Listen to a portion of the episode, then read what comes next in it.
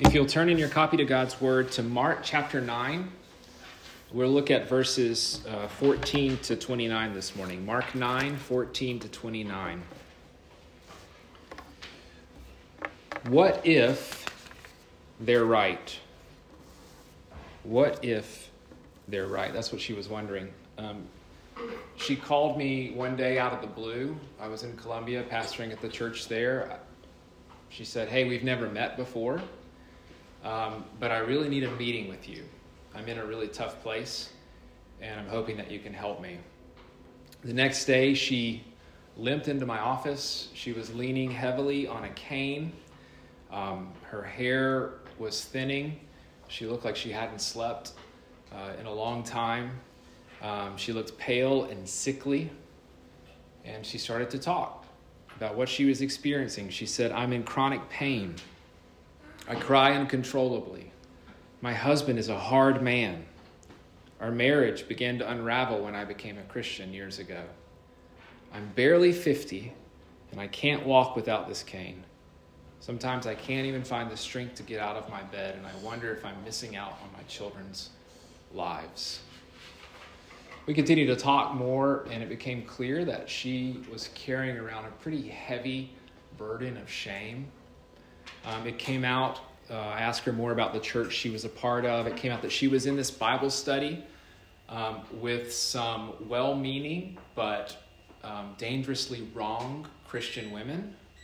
And um, they were telling her something like, hey, look, if you will just have enough faith, then you'll be free from this suffering. If you'll just believe more or believe stronger, then you will be free of all of your physical ailments and the suffering that you experience in your marriage. And that was the theology of their church. And frankly, that's the theology in a lot of Protestant churches in Latin America and in the global south. And it is absolutely toxic. Meanwhile, her antagonistic and abusive husband was telling her things like, Where's your God now? If your God was real, wouldn't he relieve your suffering? And she's wondering, why is all this happening to me? Yeah, where is my God and what if? What if they're right? What if I failed? What if God is too unconcerned or too weak? And what if my faith is too weak? What if? Is that a question that's a part of your spiritual journey? What if? If it is, I have good news for you this morning. Um, sometimes, in my experience, churches do a really bad job of caring for and welcoming iffy people, but Jesus does not. Um, Jesus welcomes people with questions like, What if? So, in the context of this passage, what's just happened is Jesus and his inner circle of disciples have just come down the glorious mountain experiencing the splendor of the Lord in the transfiguration, this unreal experience. And they come down to this scene um, to find a dad and his son who is writhing in agony because he has been demon possessed. And Jesus wants us to ask this question this morning with the Father what if? And to listen to his answer. So I'm going to read Mark chapter 9 uh, starting in verse 14. And when they came to the disciples, they saw a great crowd around them and the scribes arguing with them. And immediately all the crowd, when they saw him, were greatly amazed and ran up to him and greeted him. And he asked them, What are you arguing about with them? And someone from the crowd answered him, Teacher, I brought my son to you, for he has a spirit that makes him mute. And whenever it seizes him, it throws him down, and he foams and grinds his teeth, and he becomes rigid. So I asked your disciples to cast it out, and they were not able. And he answered them, O faithless generation, how long am I to be with you? How long am I to bear with you? Bring him to me. And they brought the boy to him. And when the spirit saw him, immediately it convulsed the boy, and he fell on the ground and rolled about, foaming at the mouth. And Jesus asked his father, How long has this been happening to him? And he said, From childhood. And it's often cast him into the fire into water to destroy him. But if you can do anything, Have compassion on us and help us. And Jesus said to him, If you can, all things are possible for one who believes. Immediately, the father of the child cried out and said, I believe, help my unbelief. And when Jesus saw that a crowd came running together, he rebuked the unclean spirit, saying to it, You mute and deaf spirit, I command you, come out of him and never enter him again. And after crying out and convulsing him terribly, it came out, and the boy was like a corpse, so that most of them said, He's dead. But Jesus took him by the hand and lifted him up, and he arose.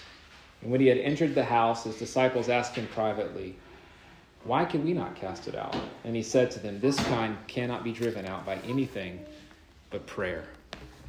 Let's pray.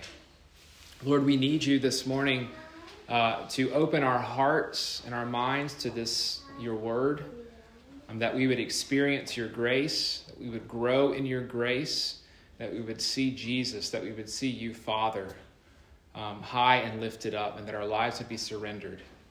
Would you please do this uh, through your servant? In the name of Jesus. Amen. So, what if? What if? What if I fail?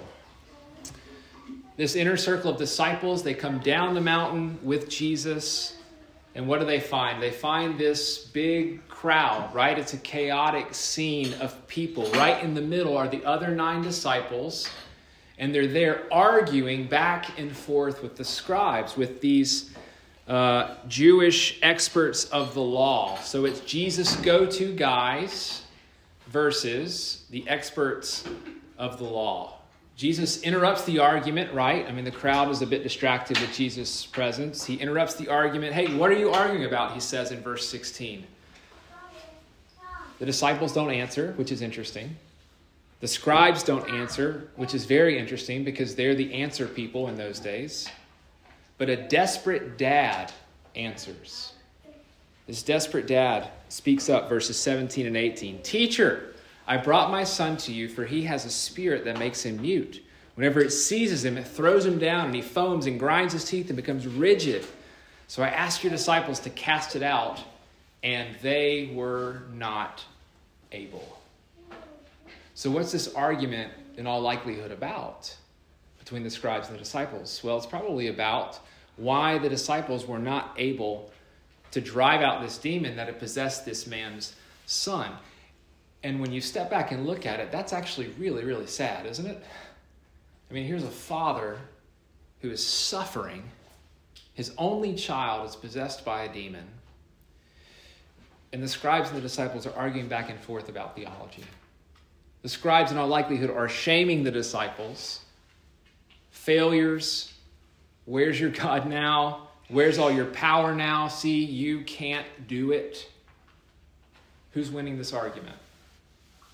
Well, it's not the disciples, and it's not the scribes. Frankly, it's the evil one whose minions exist to distort and destroy and mutilate the image of God by destroying, by distorting, mutilating, and destroying image bearers like this boy.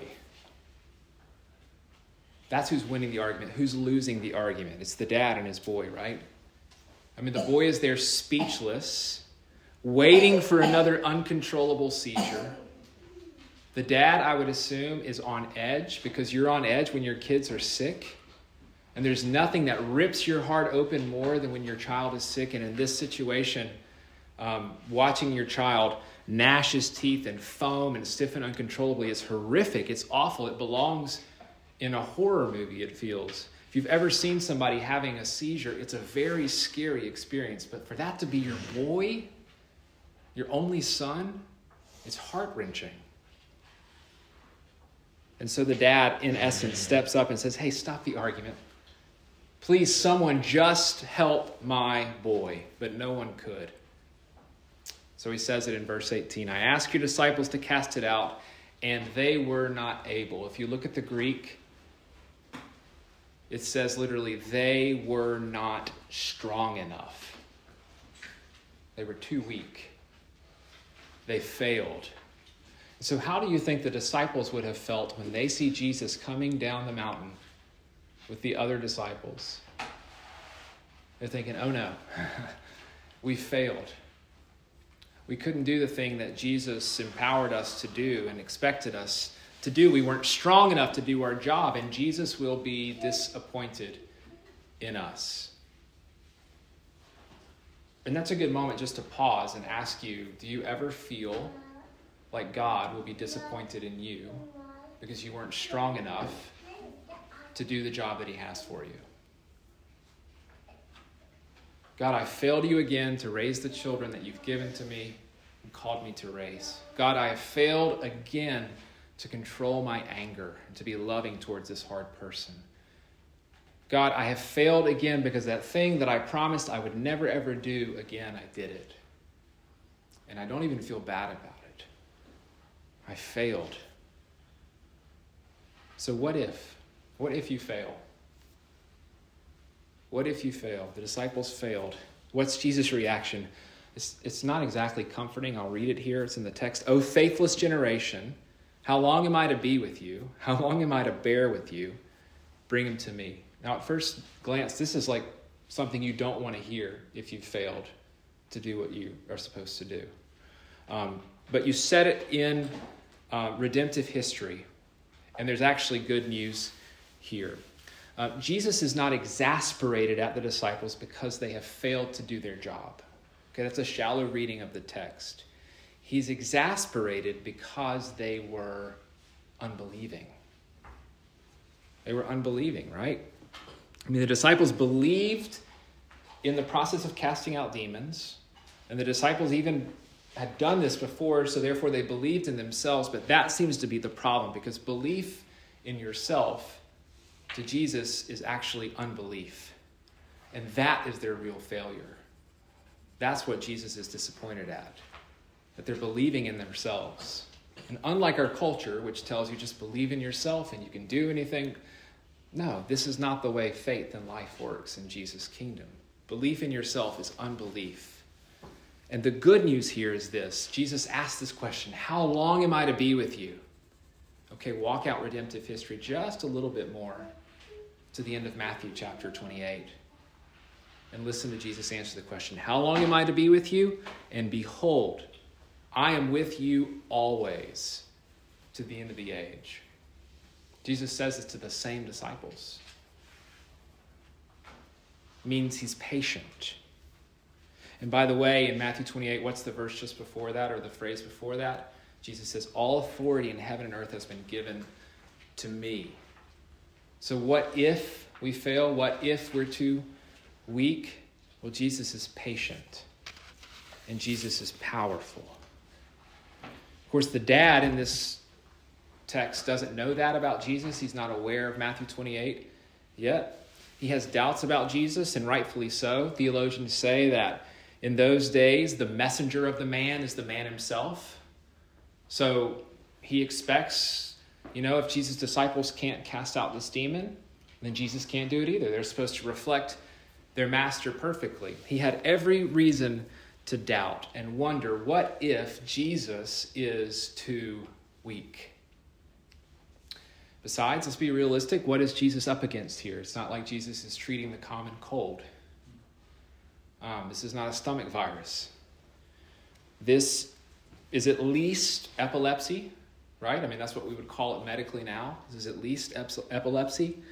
Um, but it's got further effects beyond epilepsy. It affects the boy's speech.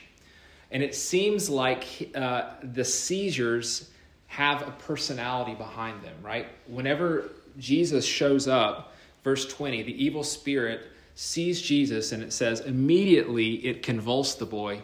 Fell on the ground, rolled about, foaming at the mouth. So these seizures have a personality. And to make the diagnosis more graphic, the dad adds in this detail. Oh, by the way, this condition, this possession, the demon tries to kill him, throwing him into the water, throwing him into the fire.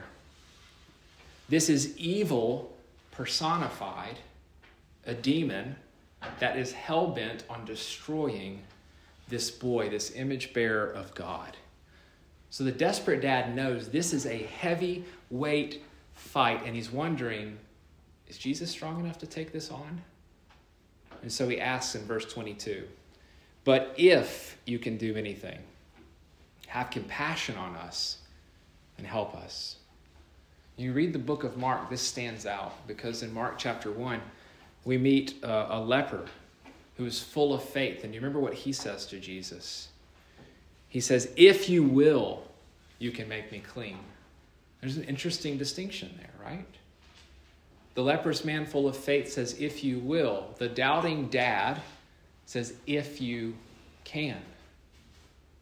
And one of the things we're supposed to learn from that is that we need to be a people who ask God, not can you, are you able to, but will you?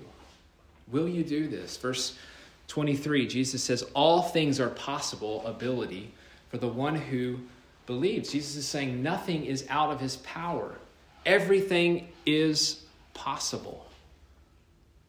I love the way Eugene Peterson transliterates this in the message. He says, If there are no ifs among believers, anything can happen. And that's a really great lesson for us. There are no ifs, realistically. Not with our God. When it comes to beating back darkness in the world, there are no limitations. Jesus can do it all and will do it all. And that's the way the Gospel of Mark reads. Actually, it's this progressive beating back of evil in God's world, culminating, climaxing in Jesus' defeat of Satan on the cross, Jesus' defeat of death through the empty tomb. And so we have to be a people who don't ask if you can, but rather if you will.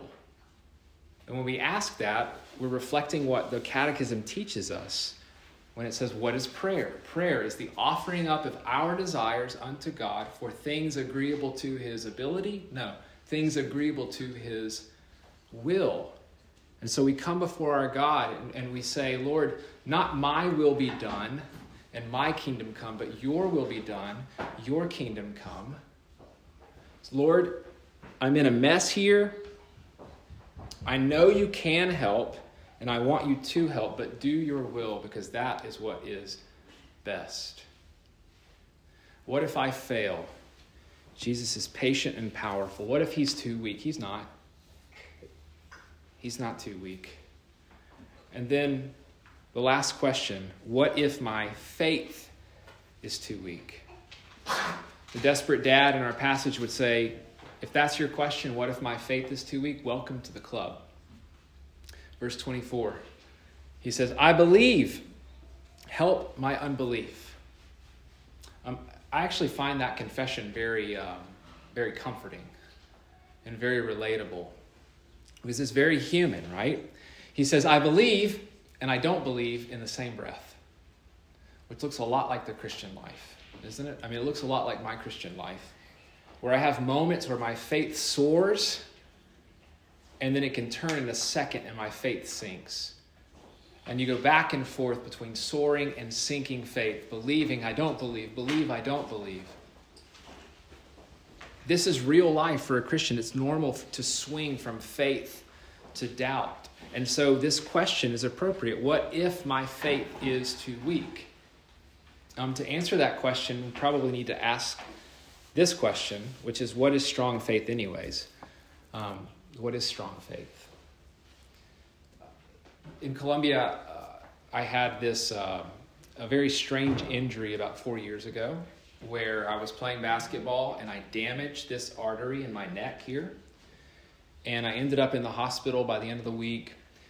Uh, long story short, I, I, had to be on this medicine for 10 days in the hospital that made my blood very, very thin so that I wouldn't have a stroke. Um, and I had this interesting interaction with my nurses while I was there. Um, I'm, I'm there, it's time to get my IV and, you know, get it, get it situated in my hand. And this nurse comes in and she sees my Bible laying beside my hospital bed. And she's like, Is that a Bible? Yeah, it's a Bible. Why do you have a Bible here? Well, I'm a pastor. Uh, it's Friday. I've got to preach a sermon on Sunday. So, like, I've got to, you know, I'm working on it. I'm trying to figure this out. Oh, you're a Christian. By that, she means you're an evangelical. Uh, oh, you're a Christian. Um, so am I. Yes, yes, I go to uh, this big church. I'm sure you've heard of it. And I sit under the teaching of the esteemed pastor so and so. And I am just so devoted. And anytime the, the, the church is open, I'm there. And, and uh, I, I, just, I, I love God. And, and I'm so devoted to God. Uh, and she goes on and on and on. And, uh, and I'm thinking, uh, okay, well, this is, you know, I, I hear this a lot. Um, and I'm, and I'm, and I'm thinking this, this, you know, I'm glad, it sounds like you have a strong faith in your faith, right?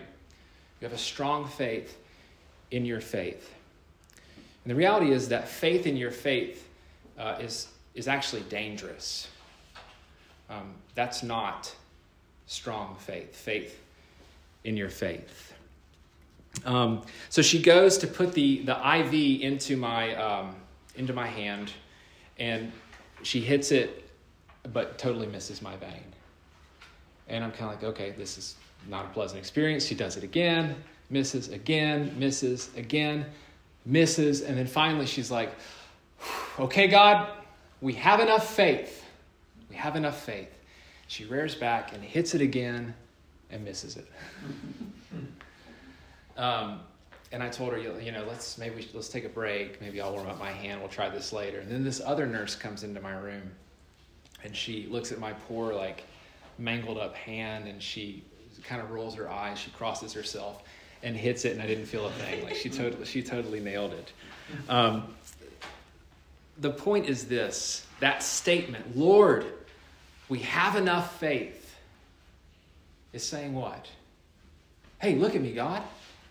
My faith is strong, and therefore you are obligated to do the thing that I'm telling you to do right now. But the reality is, we have faith in our faith, and that is not strong faith. That's massively dangerous faith because the central message of Christianity is not having a strong faith. It's not the strength of our faith that saves us, it is the strength of our Savior that saves us. It's not about the quality or the quantity of our faith. It's all about the object of our faith Jesus. It's Jesus who saves us. And so when we find ourselves in these moments where we're thinking, oh, I'm too weak, I doubt too much, then we can say, yes, that's exactly right. The whole point of salvation, the whole point of Scripture is to declare you are a weak, person, and you need a strong Savior to do all the work for you. We are too weak to save ourselves. And that's why the, the cry of this man, I believe, help my unbelief, ought to be the cry of every person who wants to surrender their lives to Jesus. Help my unbelief. I can't believe enough Jesus. He loves to hear that prayer from his people. Prayer of help. This is also, this isn't just the man's, uh, the desperate dad's problem. This is also the disciples' problem. Verse 28 and 29, they're, they're away, entered the house. They're, they're reflecting on Jesus. Hey, Jesus, why can we not cast it out? And Jesus says, This kind cannot be cast out by anything but prayer. See, they thought that they had enough power to cast the demon out themselves. The problem, according to Jesus, is that they never bothered to ask God's help in the matter. They had forgotten completely to, to pray to God and ask God to drive out the demon. And prayer is how we rely upon and summon the power of God. And so a heart of faith is not someone who walks around and is so self confident, but it's someone who walks around so self aware that I am little and He is big and He has everything I need. And so I pray often, and yes, my prayer is as simple as help. Please just help. Help me because I cannot do this by myself. I can't do this without you. When the man says in our passage, Help my unbelief, Jesus responds, which is beautiful. Jesus doesn't say, Hey, uh, figure out uh, your faith thing, get rid of all your doubts, and then I'll help. Jesus doesn't say, Hey, become more moral, and then I'll help. No. The man cries out, Help with his son's problem, with his faith problem, and Jesus responds verse 25 to 27. You mute and deaf spirit, Jesus says to the demon, I command you, come out of him and never enter him again. After crying out and convulsing him terribly, it came out, and the boy was like a corpse, so that most of them said, He is dead. But Jesus took him by the hand and lifted him up as he arose, and he arose. It was a miracle. It was this un, uh, unreal miracle that Jesus performed. The boy healed, liberated, whole again. The Father has the Son that's been damaged for who knows how long. He has the Son he's always dreamed of having. Jesus has defeated evil, and in the process, especially set in the book of Mark, he's alluded to the greater defeat of evil, right? Because for the boy to be delivered from evil, the boy would almost die. For you and I to be delivered from evil, Jesus would definitely die. Physically, emotionally, spiritually, all of him suffering under the wrath of his Father on the cross. So that what? Well, the passage I talked about last time I was here so that everyone who calls upon the name of the Lord will be saved. Everyone who's aware of their own weakness and desperation that says, God help, please. Everyone who looks to Christ's work on the cross and the empty tomb, please help, will be saved. So, what if? What if I fail? Well, he's patient and powerful. What if he's too weak? He's not too weak. What if my faith is too weak? Then welcome to the church. welcome to the club, a group of people who are desperately aware of their own weakness and need Jesus to do it all for them. That's what the woman in my office that morning learned to do. Eventually, as she spent more and more time in our church. In fact, we as the elders of the church thought she did such a good job of being able to name her own weakness and call out to God for help that we wanted her to lead other people in doing that. And so she started to lead women's Bible studies. And those were all seasoned, not with her strength, but her leading through her weakness, crying out to God and teaching others to cry out to God, hey, God, we can't do this. Please help. Um, there's a. Uh, an ESPN documentary. I think you can watch it. It's called Catching Kayla. And it's about uh, Kayla Montgomery. And she is the fastest girl, or was the fastest girl in my home state, North Carolina.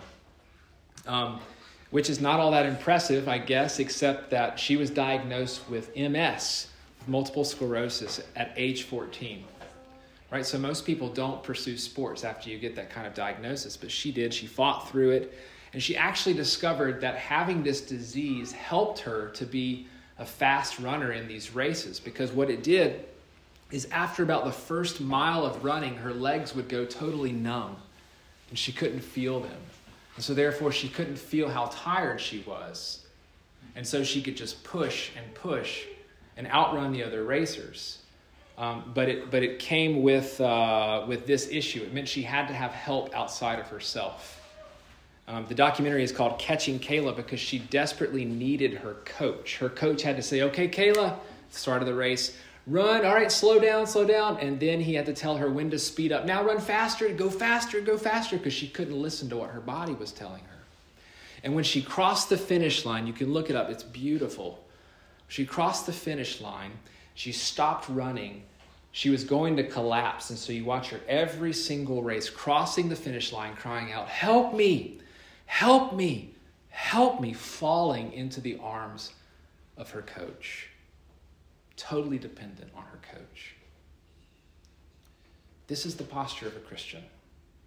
It's not walking around in strength, it's walking around in dependence on Jesus limping to Jesus, collapsing into Jesus, our Savior, knowing that He is our only strength, crying out to Him often, failing and falling into Jesus. And if that is you, if that's your Christian experience, I realize you have doubts. I realize you fail in moments of weakness. But if your strength is Jesus and the cry of your heart is help me, then you are in good hands because you are in the nail pierced hands of Jesus himself who loves you and will never let you go. Let's pray. Lord Jesus, we thank you for this good news uh, because we are not strong enough to save ourselves. We're not strong enough to maintain ourselves. We need you at every step. So thank you for that reminder. Would you make us a people who trust you more by your Spirit? Please make us that kind of people. This we pray in your name. Amen.